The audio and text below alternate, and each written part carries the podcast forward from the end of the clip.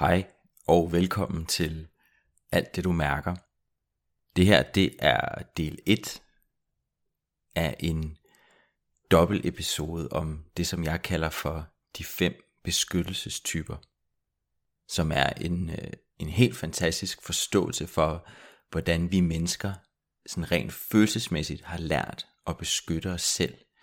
Hvad er det for nogle strategier, som du har lært at gøre brug af når der er noget, der sådan har presset dig, og der har været nogle følelser til stede i dig, som du ikke på anden vis har lært at udtrykke, eller som du har kunne mærke, at det ikke har føltes trygt at udtrykke.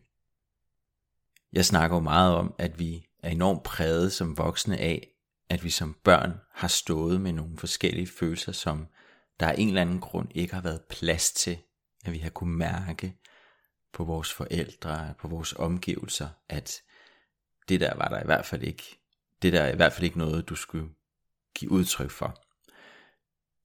Og hvad har vi så skulle stille op med de her følelser, som vi ikke har måttet give udtryk for? Jamen der har vi jo været nødt til at udvikle nogle strategier for på anden vis at håndtere de her følelser, fordi det er for overvældende at gå rundt med noget, som ikke må få lov til at komme ud. Og den strategi, som du har udviklet, som er lige præcis din strategi, det er det, som er blevet til din beskyttelsestype. Og helt grundlæggende, så er der fem forskellige beskyttelsestyper. Dem, som jeg kalder for drømmeren, og for hjælperen, og for udholderen, og for angriberen, og for performeren, eller perfektionisten, kunne man også kalde den femte. Og hvordan hver af de her beskyttelsestyper kommer til udtryk, hvordan de er opstået, hvorfor de er opstået, og hvordan du arbejder med den type, som du genkender som lige præcis din. For du vil formentlig kunne genkende i hvert fald en, måske to af de her typer, som noget du tydeligt kan se er noget, der udspiller sig i dig, når du hører igennem øh, de episoder her, hvor jeg fortæller om dem. Så jeg vil selvfølgelig også give nogle øh, indsigter i, jamen hvad kan du så stille op med den forståelse og med den indsigt. Men som sagt, så det her, det er første del, fordi ellers så blev den her episode alt, alt, alt for lang. Så i del 1 her vil jeg selvfølgelig starte med at introducere hele det her begreb beskyttelsestyper. Hvad, hvad betyder det overhovedet? Hvad handler det om? Og så vil jeg gennemgå de første to typer, som er drømmeren og hjælperen. Og så i øh, næste del, som kommer i næste uge, vil jeg så gennemgå de tre sidste, som er ja, udholderen, angriberen og performeren.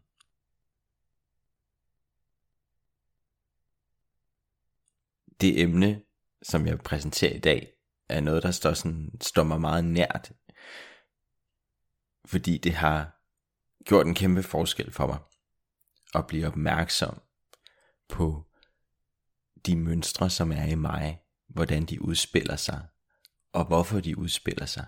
Hvor er det, de kommer fra?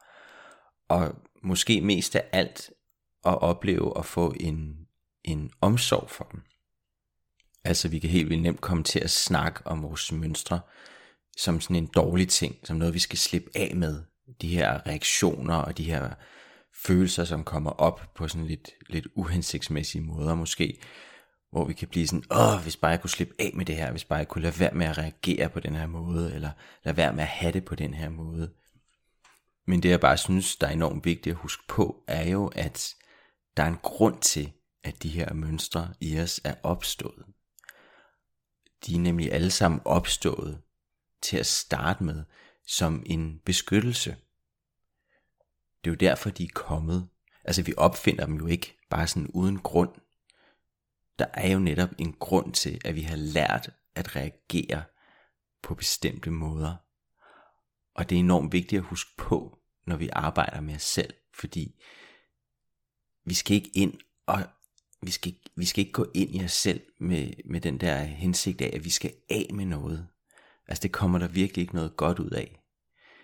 Vi er nødt til at blive ved med at kigge på os selv med en meget stor omsorg og en meget stor kærlighed for dem vi er, og de reaktioner og de mønstre, der er i os, de er bare en, del af det. de er en del af dig. Og den måde, som du har lært at reagere på, når du bliver presset, når der er nogle ting, der er svære, eller når du bliver udfordret på en eller anden måde. Den måde, du har lært at reagere på, er jo, er jo fordi, at det har været nødvendigt på et tidspunkt. Det har simpelthen været nødvendigt,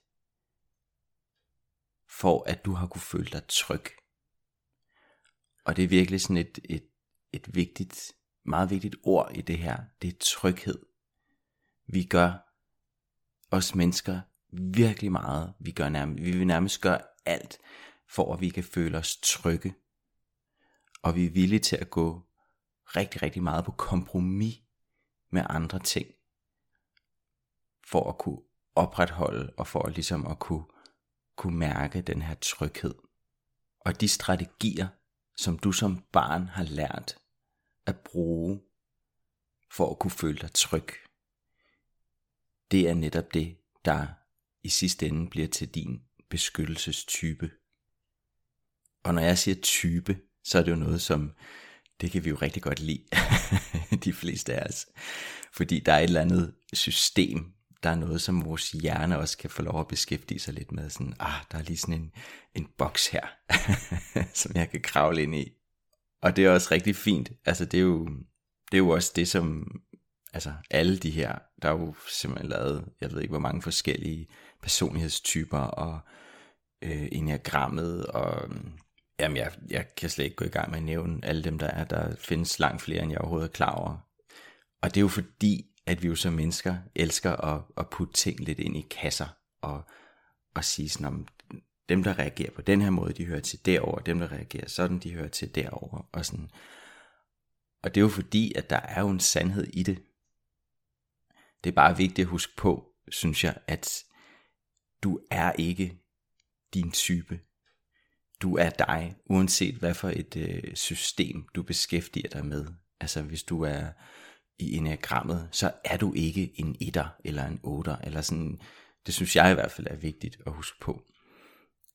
Men det er en forståelsesramme, vi kan bruge for at kunne blive bedre opmærksom på, hvordan og hvorfor det er, vi reagerer, som vi gør. Og måske i virkeligheden vigtigst, hvordan vi reagerer. Hvordan har vi lært at gøre bestemte ting, og hvordan bærer vi os ad med at gøre de ting, vi gør? Hvordan bærer du dig ad med at opretholde din tryghed? Nå, men når alt det er sagt, så lad os kigge på netop det her system, som er det, som giver rigtig meget mening for mig, nemlig det, som jeg kalder for de fem beskyttelsestyper. Og det skal selvfølgelig siges, at det her det er ikke noget, som jeg har fundet på. det stammer fra det, som oprindeligt hedder karakterstruktur, som er sådan det klassiske ord for den her opdeling. Og sådan den helt korte historie af det er, at der var en mand, der hed Wilhelm Reich, som man sådan, øh, i dag vil godt, man vil godt kunne kalde for øh, kropsterapiens fader. Han var i, øh, i lære hos Freud oprindeligt, og han har taget Freuds forståelse for, hvordan ja, de her neuroser, som Freud jo sådan øh, meget klinisk kaldte det, og der har, der har Wilhelm Reich ligesom sat, sat kroppen på, altså han har fået kroppen med i Freuds forståelse af mennesket, og så har han jo så udviklet videre på det. Så Wilhelm Reich, han skrev en, en meget sådan klassisk bog, der hedder Karakterstruktur, som netop handler om, at der er de her forskellige typer, der er de her forskellige måder, som vi som mennesker har lært sådan at pansre os selv på, altså at beskytte os selv på, når der er noget, der presser på udefra, eller indenfra, fordi der er også følelser inde i os, der presser på. Så vi har bygget sådan et, et panser op, en beskyttelse op, som jo både er sådan en, en, en mental beskyttelse, men det er jo i den grad også en fysisk beskyttelse, fordi der er jo noget i kroppen, der går ind og spænder op, når vi bliver presset, når der er noget, der udfordrer os, og vi har den her følelse af, at vi skal holde ud på den ene eller den anden måde. Og det var så starten på de her forskellige karakterstrukturer. Og det med, der jo så mange, altså Wilhelm Reich havde jo så også nogle elever, som jo så har ført det her videre En af dem blandt andet en, der hedder Alexander Lowen, som jeg har læst rigtig meget af, som jo så har ført det her system videre. Og jeg har så selv gået meget øh, i terapi hos en, øh, en kvindelig psykoterapeut, som, øh, som arbejdede rigtig meget med de her karakterstrukturer også. Og, og jeg har så virkelig taget, taget det til mig i det arbejde, som jeg laver. Og har så for sådan, øh, for sådan forståelsens skyld valgt at kalde det for beskyttelsestyper i stedet for karakterstruktur. Bare for at give det sådan et lidt mindre klinisk navn. Men bare igen for at sige, sådan, det, er ikke, det er ikke min opfindelse, men det her det er min formidling og min forståelse af de her typer, ud fra alt det, jeg har lært, og det arbejde, jeg har lavet, og de erfaringer, jeg har gjort ved at arbejde med mig selv og, og med andre mennesker. Så hvad er en beskyttelse? Altså, hvordan reagerer du, når livet presser på udefra, og når følelserne presser på indenfra? Hvordan har du lært at håndtere det pres?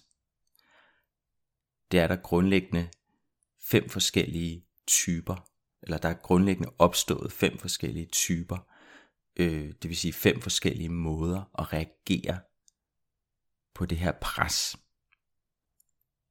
Den første hedder drømmeren, den næste hedder hjælperen, den tredje hedder udholderen, og den fjerde hedder angriberen, og den femte hedder performeren. Så når jeg siger de her navne, så skal det forstås på den måde, at det er den strategi, som du har lært at benytte dig af, når du som barn har været følelsesmæssigt presset på en måde, hvor at der ikke har været mulighed for at udtrykke de her følelser. Eller det har ikke føltes trygt at udtrykke dem. Det vil sige den beskyttelse, som du bruger, det har været din måde at søge tryghed på, når du blev følelsesmæssigt overvældet. Og den strategi, som vi lærer at bruge, den kommer af, at dels hvornår har der været brug for det, fordi de her fem typer, de bliver dannet på forskellige udviklingstrin i vores liv. Så der er for det første noget at gøre med, hvornår har der været brug for at tage den her beskyttelse i brug. Det vil sige, der er forskel på, om du har været et halvt år gammel, eller om du har været fire år gammel for eksempel.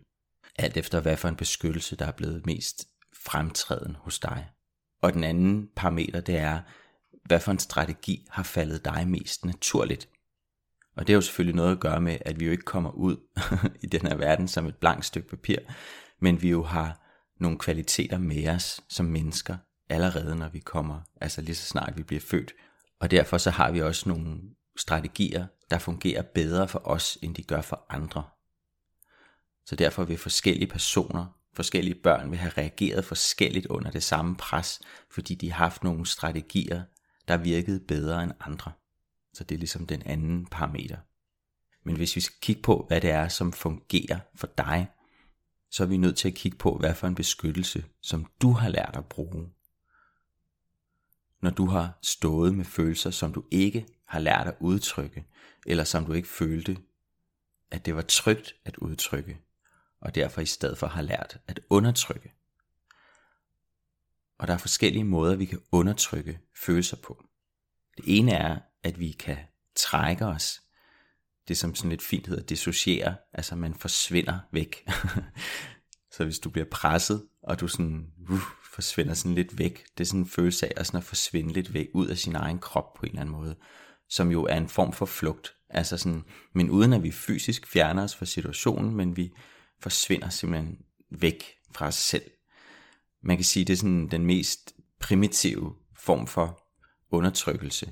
Og det er jo også det, som, som mange for, for eksempel fortæller, at de har oplevet, hvis de har været udsat for overgreb, eller udsat for nogle meget voldsomme omstændigheder, at der simpelthen noget, der bare er forsvundet væk.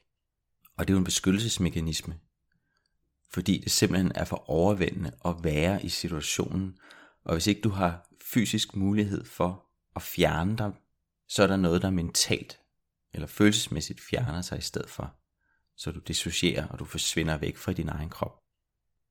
Så det er den ene måde at undertrykke følelser på, kan man sige, ved at forsvinde væk. Den anden måde er, at, at for hver af de her undertrykkelsesmetoder, så bliver de gradvist mere avanceret. Så det er også det, der hænger sammen med sådan, hvad er det for en strategi, der har virket for dig? Alt efter hvad for et trin, hvad for et alderstrin du har været på, når der har været brug for det. Og alt det her, det skal jeg selvfølgelig nok snakke mere om, når vi kommer ind i de enkelte typer. Nu riser jeg det bare sådan op. Så der er enten mulighed for, at du kan trække dig. Den anden mulighed er at kompensere. Og det er mere sådan en, en strategi, hvor vi sådan lidt underkender os selv. Man kan sige som voksen, så kunne det for eksempel være at gå ind og gå enormt meget på kompromis. Altså vi underkender os selv og hele tiden prøver at gå ind og møde for at holde en konflikt nede, for eksempel. Hvis der er en, en utryghed i rummet, så i stedet for at forsvinde væk, så går vi ind og kompenserer og, og går på kompromis og underkender vores egne følelser i det. Men for at undgå konflikten eller for at holde konflikten nede, så går vi hele tiden ind og for eksempel møder den anden person for at sige sådan, hvordan kan vi løse det her, hvordan, hvordan kan vi gøre det godt for dig, og så videre. Så det er at kompensere. Den næste mulighed, det er ved at spænde op. Og det er igen sådan, hvis du forestiller dig, at, at trække sig, at dissociere. Det er sådan en, en øvelse, der ikke kræver særlig meget krop, fordi vi jo faktisk forsvinder fra kroppen. At kompensere kræver en lille smule krop, fordi der er noget i os, der, sådan, der strækker ud efter den anden. Så der er en eller anden form for fysik med i det, at vi, sådan, vi strækker os hen mod den anden person. Vi, vi fjerner os stadigvæk i en eller anden grad for os selv, men det er mere sådan en fysisk bevægelse. Det er ikke sådan en, bare sådan forsvinde væk. Den tredje, det er at spænde op. Og det kræver, som du nok kan regne ud, noget mere fysik, at der er noget sådan helt fysisk i kroppen, der spænder op. Og det kan gå i to retninger. Det kan enten gå til, at vi holder ud. At der er noget i kroppen, der simpelthen spænder op, bare for at holde ud. Og det kan jo sidestille, sidestilles med det der med sådan for eksempel at bide tænderne sammen, eller stramme ballerne. Så holder vi ud. Den anden måde at spænde op på, er ved at gå til angreb. Og det er jo også sådan en, en ophobning af energi, men den bliver så i stedet for at blive brugt til ligesom at altså holde ud, der spænder vi op, og så, og så trækker vi os ligesom sammen, og så sidder vi og holder ud, og håber, at, at faren driver over. Den anden retning af det at spænde op, det er jo så at bruge den energi til at gå til angreb, til at gå til angreb mod det, der føles farligt. Og begge dele kræver en, en ret stor grad af fysik, fordi der skal jo mobiliseres en masse energi. Den femte og sådan mest øhm, avanceret, hvis man kan kalde det, af de her strategier, det er det, som jeg vil sige, kalde for at stive af. Og, det, og der, er vi, der er vi ikke så meget inde i sådan at spænde op for at holde ud, men vi stiver os selv op, og så er vi mere inde i sådan noget med at præstere. Det vil sige, nu holder vi ikke bare ud, men vi prøver sådan at præstere og vise, at der er styr på det. Vise, at vi er gode nok. Vise, at vi har kontrol. Så hver af de her strategier er jo så selvfølgelig knyttet til de her fem forskellige beskyttelsestyper. Det vil sige, det at trække sig sammen er jo knyttet til den, der hedder drømmeren.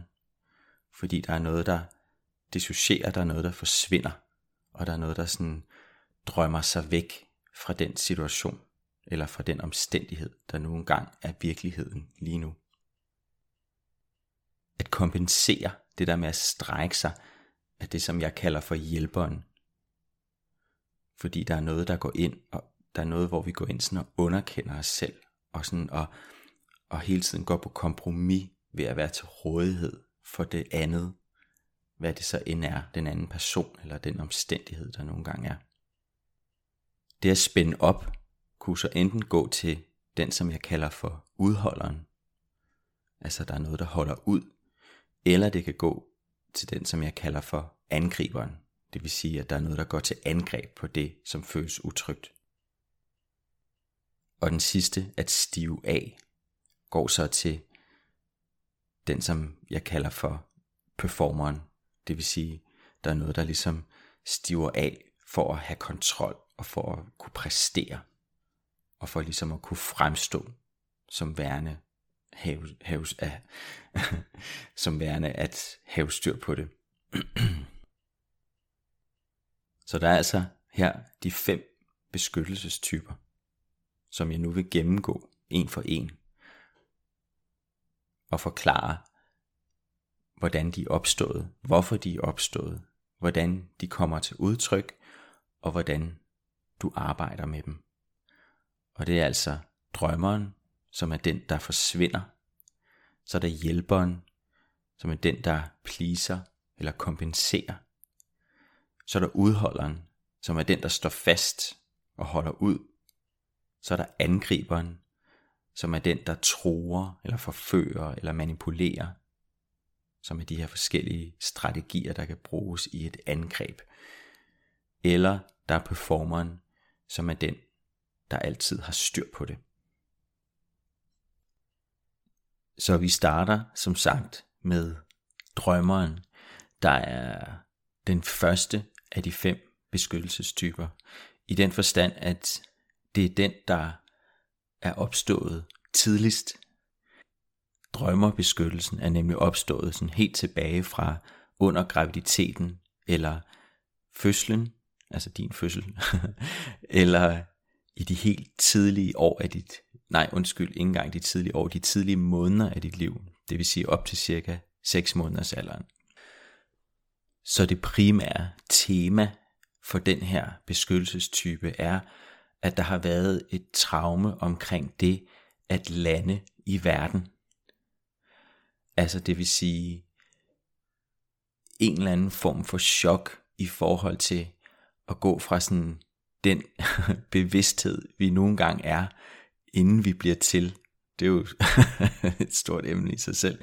Men der er jo på et eller andet tidspunkt overgår vi jo fra at have en eller anden form for sådan bevidsthed, hvor det nu engang er, vi kommer fra.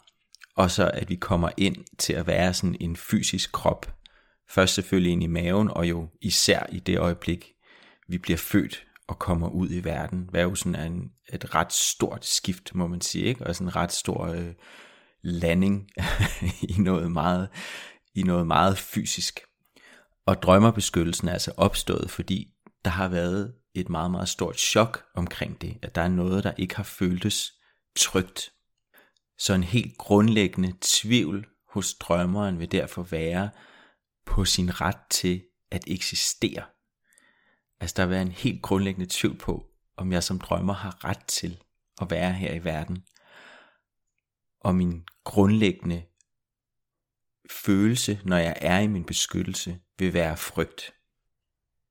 Mine gaver som drømmer vil være, og det kommer jeg mere ind på, hvorfor det er, en meget stor sådan, øh, sensitivitet omkring stemninger og energier. Og så vil drømmer typisk være meget kreative, meget fantasifulde, og meget lejende, og ofte også meget intelligente, fordi de bruger rigtig meget tid i deres mentale rum.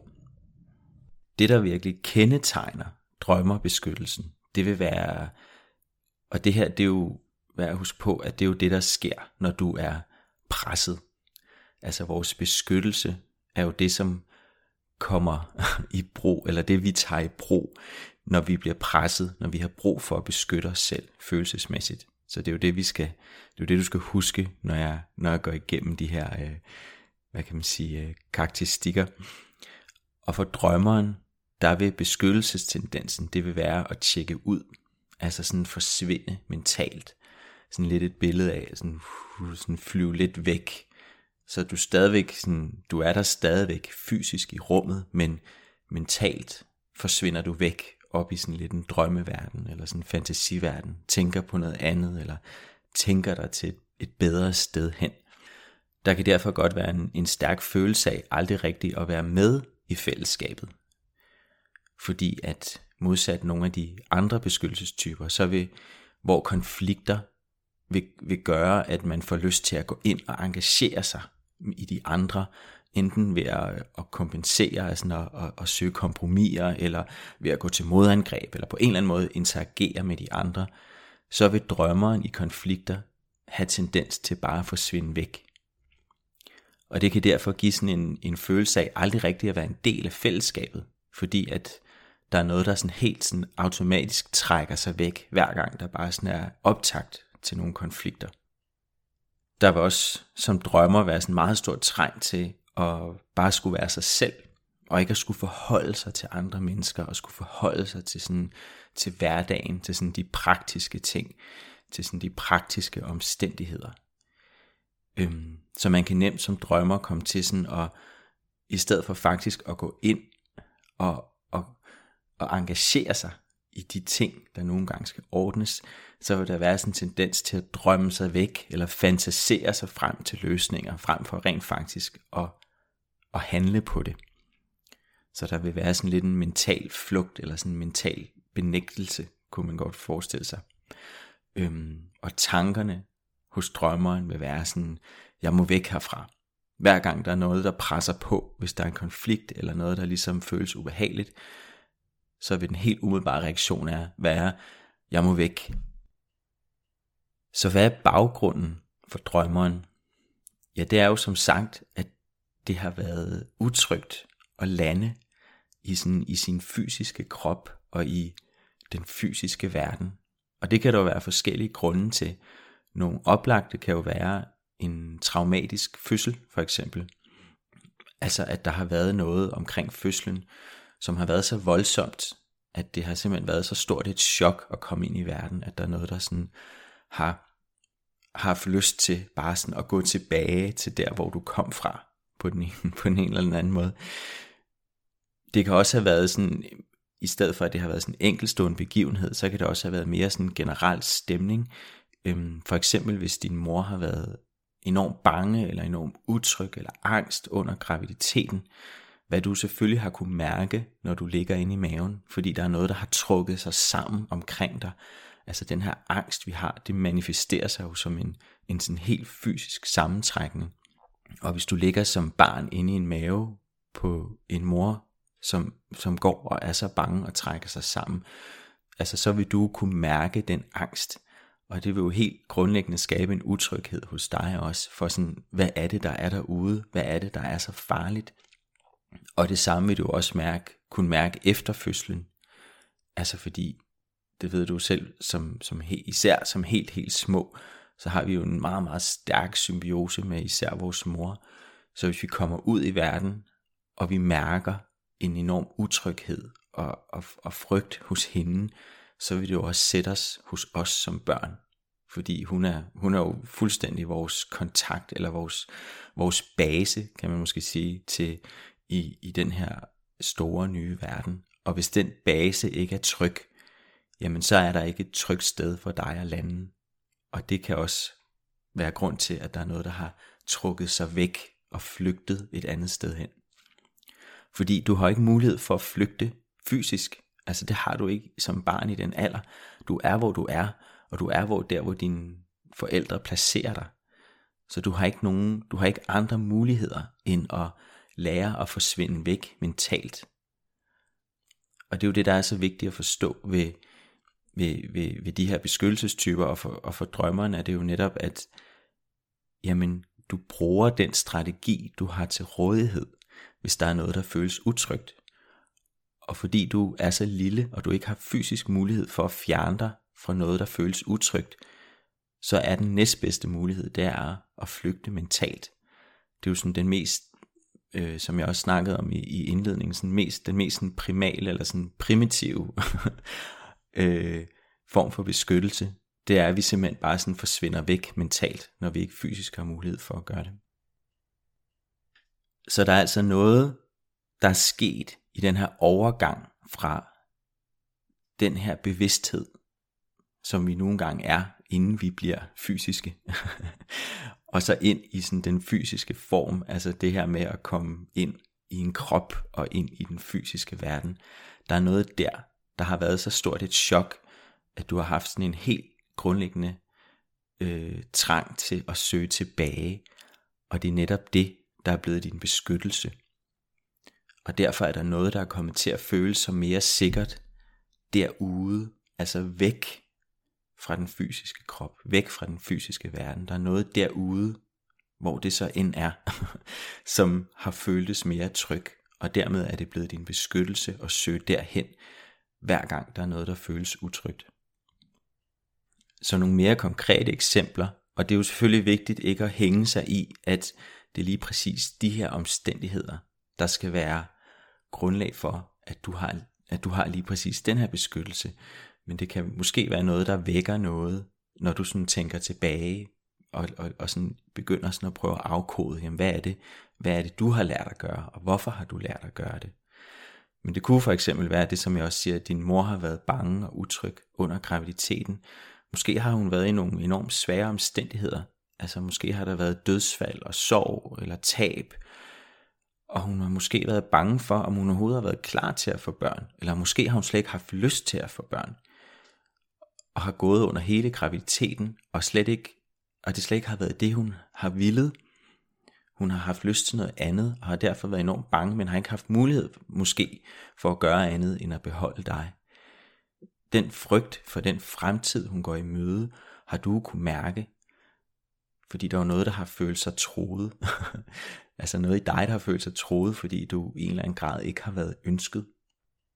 Det kan også være, at hun har været ude for et, et uheld, enten under graviditeten eller under fødslen, hvor du har følt dig troet i maven. Jeg har for eksempel haft klienter, hvor at moren har været udsat for en bilulykke, mens hun har været gravid. Hvilket jo har skabt en enorm frygt og enorm uro, hvad jo også har, har, har kunne mærkes for dig, der har ligget inde i maven. Eller hvis der, ja som sagt, hvis der har været en meget voldsom fødsel, som også har skabt en meget utryg velkomst til verden. Og så kan det være, at de sådan i de helt tidlige måneder, at dine forældre har haft svært ved at tage sig af dig, fordi de måske har været følelsesmæssigt afkoblet. Øh, det kan være, at de har været deprimeret, eller bare været enormt overvældet, eller kæmpet med egne traumer, eller egne mønstre, eller der bare har været sådan virkelig, virkelig svære livsomstændigheder, som har gjort, at især din mor har haft svært ved at, at koble sig til dig, og ligesom at, øh, at være den base for dig, som du har haft brug for i de helt tidlige måneder. Så det du står med som drømmer, som ligesom er resultatet af den her beskyttelse, og det er jo fordi, at den beskyttelse, som vi har, det manifesterer sig jo også i nogle kvaliteter, fordi det er jo noget, vi, det er jo noget, vi øver rigtig meget. Altså hvis, hvis, hvis du har en bestemt beskyttelse, så er det jo den, du bruger hver gang, at du føler dig utryg. Og det er jo klart, at jo mere du bruger noget, jo, jo bedre bliver du også til det. Og derfor så kommer det også til at være nogle særlige kvaliteter i at have en bestemt beskyttelse. Og for drømmeren, der er det jo netop den her kreativitet, fordi at der er den her stærke kontakt med noget andet. altså den her meget sådan mentale forsvinde væk, og den her fantasifuldhed og, øh, og dagdrømmeri, og sådan en fantastiske evne til sådan at gå op i hovedet og udtænke andre verdener nærmest, det giver jo grobund for en, en kæmpe kreativitet, fordi der hele tiden bliver skabt en parallel verden ved siden af den faktiske verden, som du er i. Og du er virkelig på godt og ondt. Og, og den, det positive aspekt er jo netop det her med at, at, at kunne være enormt kreativ, og kunne være enormt lejende, fordi der er sådan en åbenhed for hele tiden at kunne skabe noget andet, du er ikke begrænset af den fysiske verden og de spilleregler, der er her, fordi du hele tiden jo bare kan udtænke noget andet. Det giver en sådan enorm intelligens og en enorm fantasifuldhed. Nogle ville mene, at sådan en som Albert Einstein var sådan en klassisk drømmer, fordi han simpelthen, altså han i hovedet havde mulighed for sådan, at jo vidderligt at, at bøje tid og rum og udtænke nogle, nogle dimensioner, som som andre omkring ham overhovedet ikke var i stand til, fordi de var meget mere sådan mentalt bundet til sådan de ting, de, de kunne se her i verden, hvor han af, af en eller anden grund havde mulighed for at kunne se nogle helt andre flader og nogle helt andre sådan, øh, perspektiver. Og det ville være sådan meget klassisk for drømmeren, altså netop den her sådan enorme kreativitet og enorme evne til at kunne skabe ting i hovedet, som dem omkring dig måske slet ikke som slet ikke falder dem naturligt på samme måde, som det gør for dig. Der er også mange drømmere, som oplever en, en enorm stærk forbindelse til naturen. Altså det der med sådan at være i relationer og være i sådan de daglige praktiske omstændigheder, at det bliver sådan lidt uoverskueligt og lidt utrygt. Og derfor så er det nemmere sådan at bevæge sig ud og, og have forbindelse til noget i naturen og sådan, fordi og det lyder omvendt, hvis ikke du, hvis ikke du selv er drømmer, men hvis du drømmer, vil du virkelig kunne forstå det, fordi der er noget i naturen og noget i det der sådan kreative, fantasifulde rum, som på en eller anden måde er meget nemmere at forholde sig til, end at skulle sætte sig ned og skulle forholde sig til, hvad andre mennesker tænker og gør. Og, sådan. og det har jo noget at gøre med, hvor er det, du har lært at føle dig tryg. Og du vil helt automatisk bevæge dig hen i det, i det rum, hvor du føler dig mest tryg. Bagsiden vil jo selvfølgelig så være, at du så har, kan have enormt svært ved at overskue de her praktiske ting i hverdagen. Og det det voksne ansvar, kunne man nærmest sige. Altså fordi problemet er jo, når vi så, altså som børn, kan vi jo sagtens bevæge os lidt rundt i det der rum, fordi der er nogle andre, der tager sig af os. Men i det øjeblik, så vi begynder at blive voksne og skulle tage os af os selv, og vi måske ovenikøbet selv for børn, og skal begynde at tage os af dem også, så er der jo virkelig noget, der presser på i forhold til et ansvar og et krav om at have styr på nogle, nogle praktiske ting i det, i det liv, og den hverdag, som du nogle gange er i, hvilket kan være enormt uoverskueligt for dig som drømmer. Det kan være enormt svært, det der med at skulle planlægge og skulle skabe en struktur. Så din rejse som drømmer vil virkelig være at arbejde med at komme mere til stede i din fysiske krop og i den fysiske verden, og begynde at opdage, hvor meget du faktisk har tendens til sådan at flygte væk, hver gang der er noget, der føles besværligt, eller hver gang der lige er en konflikt, eller hver gang du bliver konfronteret med et eller andet. Fordi det er ikke en løsning at forsvinde væk. Det fjerner ikke de udfordringer, du står med. Og det fjerner, altså det fjerner bare dig selv fra din egen krop og for dit eget nærvær. Og derfor kan det jo også være rigtig svært for drømmer at indgå i nære relationer, fordi at der er noget, der hellere bare vil være sig selv, fordi det er nemmere, og det føles umiddelbart mere trygt. Men der er virkelig noget i for dig som drømmer at blive opmærksom på, hvor meget det her også er en beskyttelse, du gør brug af, til at, og fjerne dig fra noget, som jo også er en del af livet.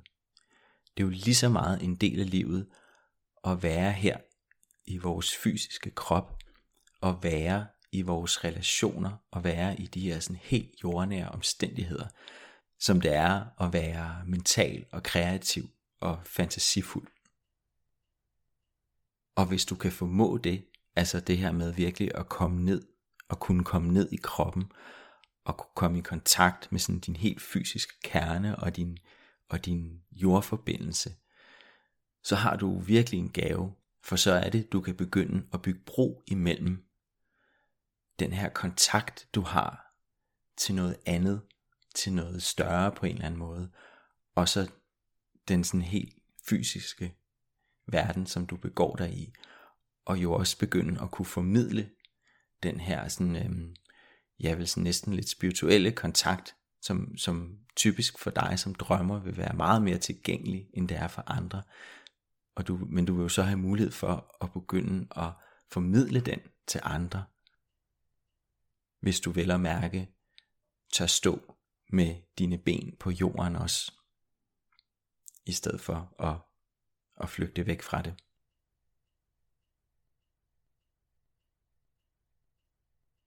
Den næste beskyttelse er hjælperen,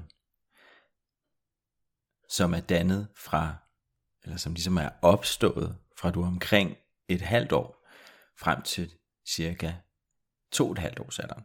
Hvilket er den periode, der handler om at modtage næring. Og det snakker vi jo selvfølgelig både om altså fysisk næring, det vil sige mad især, øh, men jo også kram og nærhed og jo på den måde også en følelsesmæssig næring i form af den der tryghed, der er i at, at være tæt på igen især sin mor i den tidlige alder, og mærke, at du får det, som du har brug for. Og hvis ikke det næringsbehov er blevet opfyldt, så er der en mulighed for, at du har udviklet netop den beskyttelse, som hedder hjælperen, som springer ud af en tvivl om sin ret til at have sine egne behov. Og det kommer af, at fordi der har været den her fornemmelse af, at der ikke var næring nok af en eller anden grund. Af en eller anden grund i den her tidlige alder har du mærket, at der ikke var adgang til den næring, som du helt fysisk havde brug for. Jamen så kom der jo en tvivl på, om der var en, om der var en næring nok, om der var nok af det, du havde brug for. Og der kom også en tvivl om, hvorvidt du overhovedet havde ret til det behov, som du jo fysisk mærker. Og især som barn, og især som lille barn, så er der jo de her meget, meget, meget fysiske behov, men du er jo ikke selv i stand til at opfylde dem. Du er stadigvæk så lille, at du er afhængig af, at der er nogle andre, der opfylder de her behov for dig. Men hvis ikke de gør det, så kan der godt være kommet en tvivl om, jamen er de rigtige de behov, jeg mærker? Fordi der er jo ikke nogen, der hjælper mig med at få dem opfyldt. Og på den måde er der kommet en beskyttelse i form af og nærmest sådan lidt at tvivle på rigtigheden af de her behov. Hvilket virkelig sådan er kernen af det, som hjælperen står med som voksen. Altså den her tvivl på, jamen har jeg ret til mine egne behov? Og det som mange hjælpere så har lært at gøre i stedet for, hvis ikke de har fået deres, ikke har kunne få deres egne behov opfyldt, det er, at de har rettet opmærksomheden ud af og tænkt, jamen så må jeg jo prøve at opfylde nogle andres behov, og måske igennem det få mine egne behov opfyldt. Og det skal jeg nok tale mere om, når vi kommer lidt længere ind i det. Men det er sådan virkelig kernen af det her. Og det gør jo så også, at gaven for hjælperen er jo en enorm sådan omsorgsfuldhed. De kan være enormt givende og kærlige og enormt opmærksomme, fordi der er noget, der har lært at rette opmærksomheden ud af mod de andre, for på en eller anden måde afsøge, hvad er deres behov i det her, som sådan lidt, en lidt snørklet omvej til at få sine egne behov opfyldt.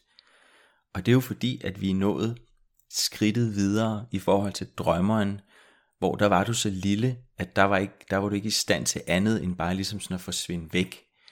Men nu er du lige sådan nået et trin længere i din udvikling, så nu er der begyndt sådan at komme en opmærksomhed på dine omgivelser, og en stand til sådan at begynde at tune ind på, jamen, hvad må de andres behov er her? Hvordan kan jeg på en eller anden måde få opfyldt de behov, jeg mærker i mig selv, ved sådan at tilfredsstille en eller anden omstændighed hos nogle andre her? Og det er det, der begynder at udspille sig. Så hos hjælperen er der sådan helt grundlæggende tvivl på at have ret til sine egne behov. Og der vil typisk være sådan en, en, en sådan hele tiden sådan underliggende frygt for at mangle noget. Altså sådan, der er aldrig tid nok. Der er aldrig penge nok. Jeg har aldrig helt energi nok. Der er altid sådan, der er altid lidt underskud på kontoen, eller en frygt for, at der kan være underskud på kontoen. Og der er jo selvfølgelig også en, en underliggende frygt for at blive forladt, hvilket også tit er et stort tema for den her beskyttelse. Fordi det har jo ligget sådan et ubevidst, at jeg har ikke fået den her næring, der jeg havde brug for det. Der er noget, der sådan har fjernet sig for mig, eller ikke sådan mødt mig i de behov, jeg havde. Og det har skabt sådan lidt grundlæggende frygt i, at, sådan, at der hele tiden, man kan aldrig være sikker på noget. Selv når du har noget, der er godt, eller du har en, en relation, eller et forhold, så er der hele tiden den her frygt for sådan, åh oh nej, hvor længe var det ved? Kommer jeg nu til at gøre noget forkert? Så det her gode, det forsvinder. Og det er sådan et meget, meget stærkt tema, især hos, især hos hjælperen. Der er et eller andet, der er sket et eller andet, der gør, at dine behov er blevet forkerte. Og at de ligefrem på en eller anden måde er blevet forbundet med noget skamfuldt. Og det kommer jo af, at de ikke er blevet opfyldt på et tidspunkt, hvor at de har været fuldstændig naturlige, og der har været fuldstændig naturligt ja, behov for dem. Men fordi de ikke er blevet mødt, så er der jo kommet en eller anden følelse af, at der må være noget forkert omkring dem. Og der kan godt være kommet sådan en, altså der kan godt være opstået sådan lidt en skamfuldhed omkring det, at have sine egne behov i forhold til hele tiden at have opmærksomhed på andre. Og ud fra det, så vil, så vil du som hjælper have lært typisk at gøre en af de følgende to ting. Den ene, som er sådan den klassiske hjælperstrategi, det er at håbe på, at andre ser dine behov, uden selv at skulle give udtryk for dem. Og det kan gøres ved sådan hele tiden at være sådan enormt sådan over i andre. Hele tiden sådan at være opmærksom på den anden og, og spørge sådan, er noget du har brug for? Er der noget jeg kan gøre for dig? Hvordan kan jeg være til, hvordan kan jeg være til hjælp? Og også bare sådan i det hele taget, hele tiden sådan at holde kontakten fast. Altså det kan være enormt svært at sige farvel, og der, der kan være sådan, der kan godt være sådan lidt en tendens til at, at snakke rigtig meget, og hele tiden at skulle holde en samtale eller en kontakt ved lige eller i live, fordi der er sådan underliggende kan være sådan et behov om, hvis, hvis bare jeg holder den her kontakt længe nok, så vil den anden begynde sådan at se, hvad mine behov er, og måske forhåbentlig øh, opfylde dem.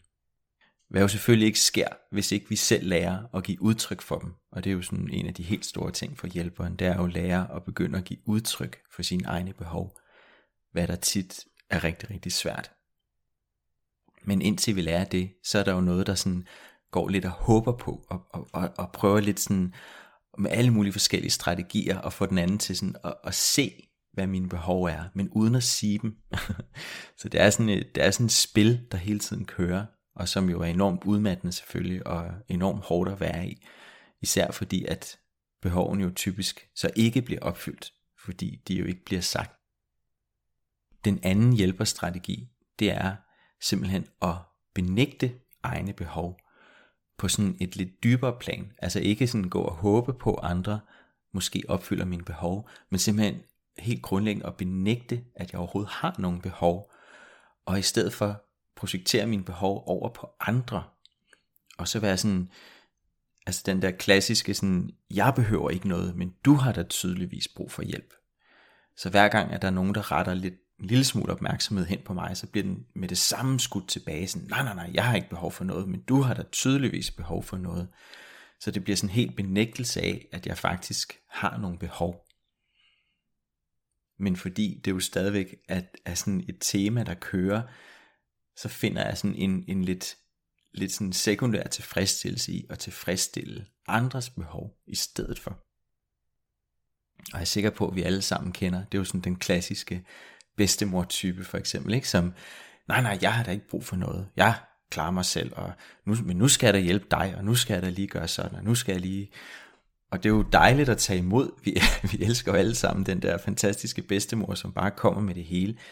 Men hvis vi også sådan går lidt ind i det, så vil vi jo formentlig godt kunne se, ja, men hun, hun er også hele tiden over i andre, og fornægter jo sig selv et eller andet. Og det er jo, altså, det kan man jo gå et helt liv med, i sådan en fornægtelse af, at jeg jo også har nogle behov, jeg gerne vil have opfyldt. Men hvis jeg helt grundlæggende har lært, at de må ikke være der, man kan godt se, det er sådan, det er sådan helt tragisk næsten, ikke? Og, og, og især den der sådan ældre generation af kvinder, som vores bedstemødre jo er, jo ikke, som er gået igennem sådan hele det her liv, hvor de hele tiden bare har tilfredsstillet alle andres behov, og der har været næsten noget sådan helt skamfuldt ved at stå ved, at de selv har haft nogle behov, og derfor har de bare blevet ved og blevet ved og blevet ved med at fornægte sig selv dem. Hvad jo er frygtelig synd. Altså det har jo været i langt hen ad vejen har der jo selvfølgelig været noget givende for dem omkring dem, men de har jo også gået enormt meget på kompromis med sig selv i hele den proces og i, i det liv, de så har levet i stedet for. Og de vil jo nok også hvis man virkelig presser dem, i en eller anden grad jo kunne erkende, at det også er rigtig hårdt hele tiden at skulle være til rådighed på den måde. At der er jo selvfølgelig noget, noget givende og noget meningsfyldt i at være noget for andre. men hvis du aldrig får dine egne behov opfyldt, så er det en enorm hård tilværelse, og derfor vil nogle ting være, som, som hjælperen typisk vil sige, eller, eller tænke i hvert fald.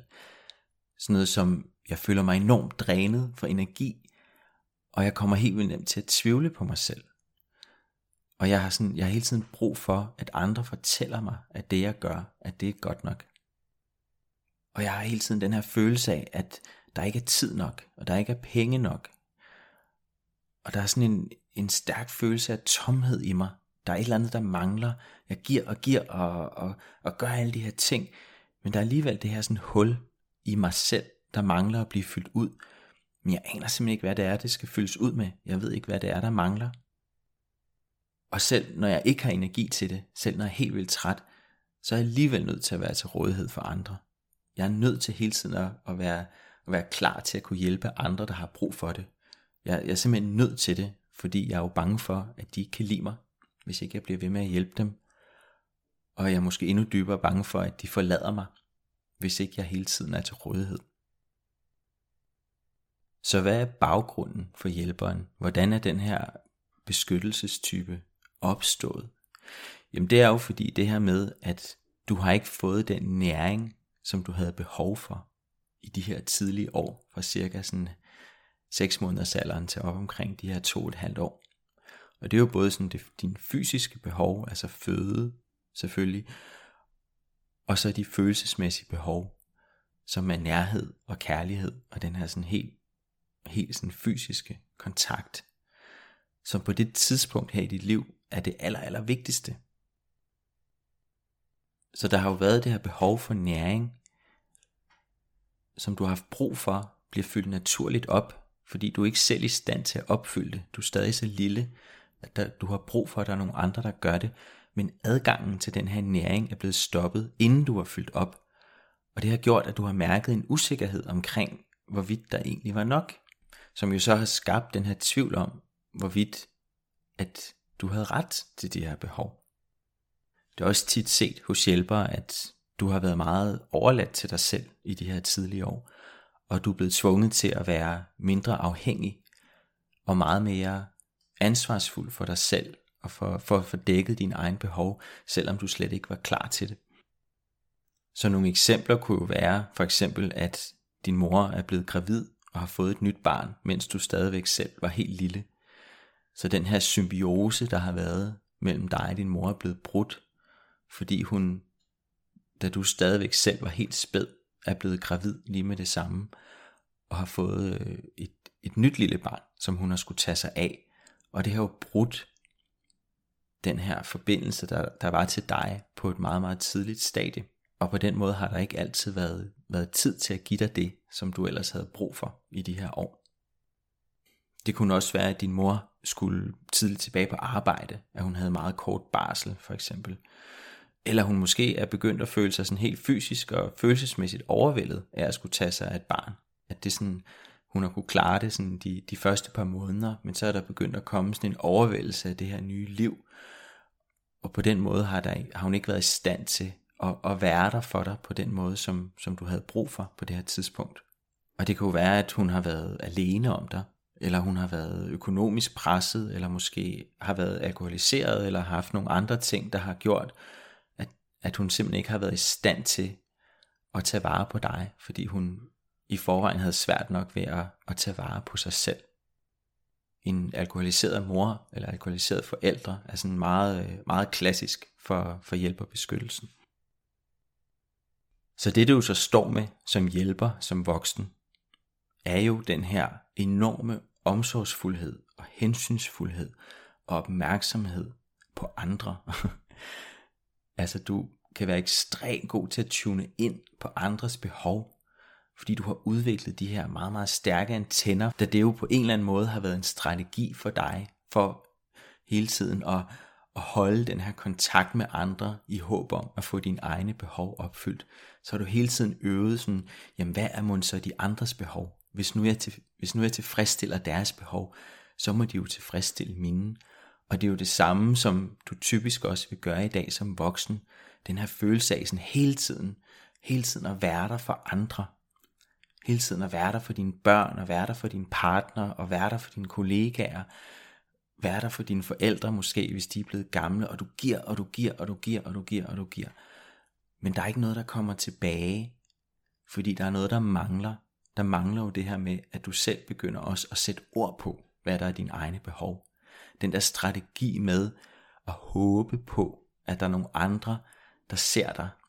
Altså det der som sådan lidt, jeg ved godt meget sådan uflatterende, men sådan lidt øhm, askepot-syndrom på en eller anden måde, der med sådan hele tiden at, at give og give og give og give og give og håbe, at der kommer en på et tidspunkt og giver noget til dig.